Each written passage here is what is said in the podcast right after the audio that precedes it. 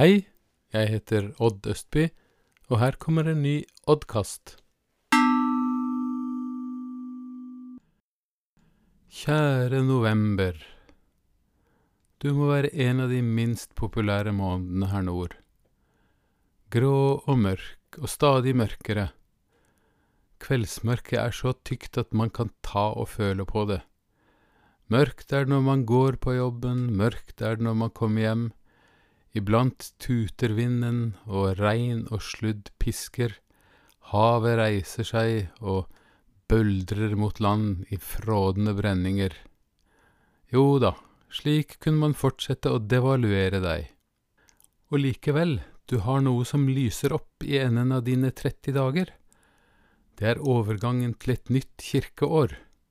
Da står de klare, alle adventstakene med fire lys, og forventningsfulle hender, både store og små, kan tenne det første lyset. Symbolikken er ikke til å ta feil av. Det sanne lyset som opplyser hvert menneske, kom nå til verden, leser vi i Johannes evangeliet. Han var i verden, og verden er blitt til ved ham, men verden kjente ham ikke.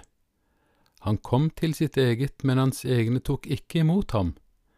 Men alle dem som tok imot ham, dem ga han rett til å bli Guds barn, de som tror på hans navn.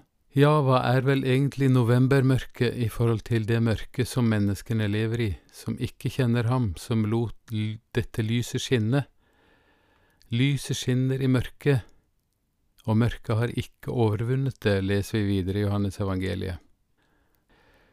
Som aldri før pyntes nå hus og hager og gater i lyspærer i alle slags fasonger, og hver eneste en av disse milliardene av lyspærer kan minne oss om ham som med sitt oppstandelseslys kontrasterer dette dype mørket som menneskene har rotet seg opp i. Og når den lave novembersola av og til lurer seg oppover horisonten og sprer sitt novemberlys, så vil jeg tenke på Guds trofasthet, og tenke at du november jo bare er en konstruksjon vi mennesker har laget for å holde orden på årstidene. Og bare for å ha sagt det, kjære november, jeg må betro deg en ting, jeg er medlem i fanklubben din. Men det tør jeg ikke basunere så veldig høyt, for da kan jeg bli tatt for å være mørkemann.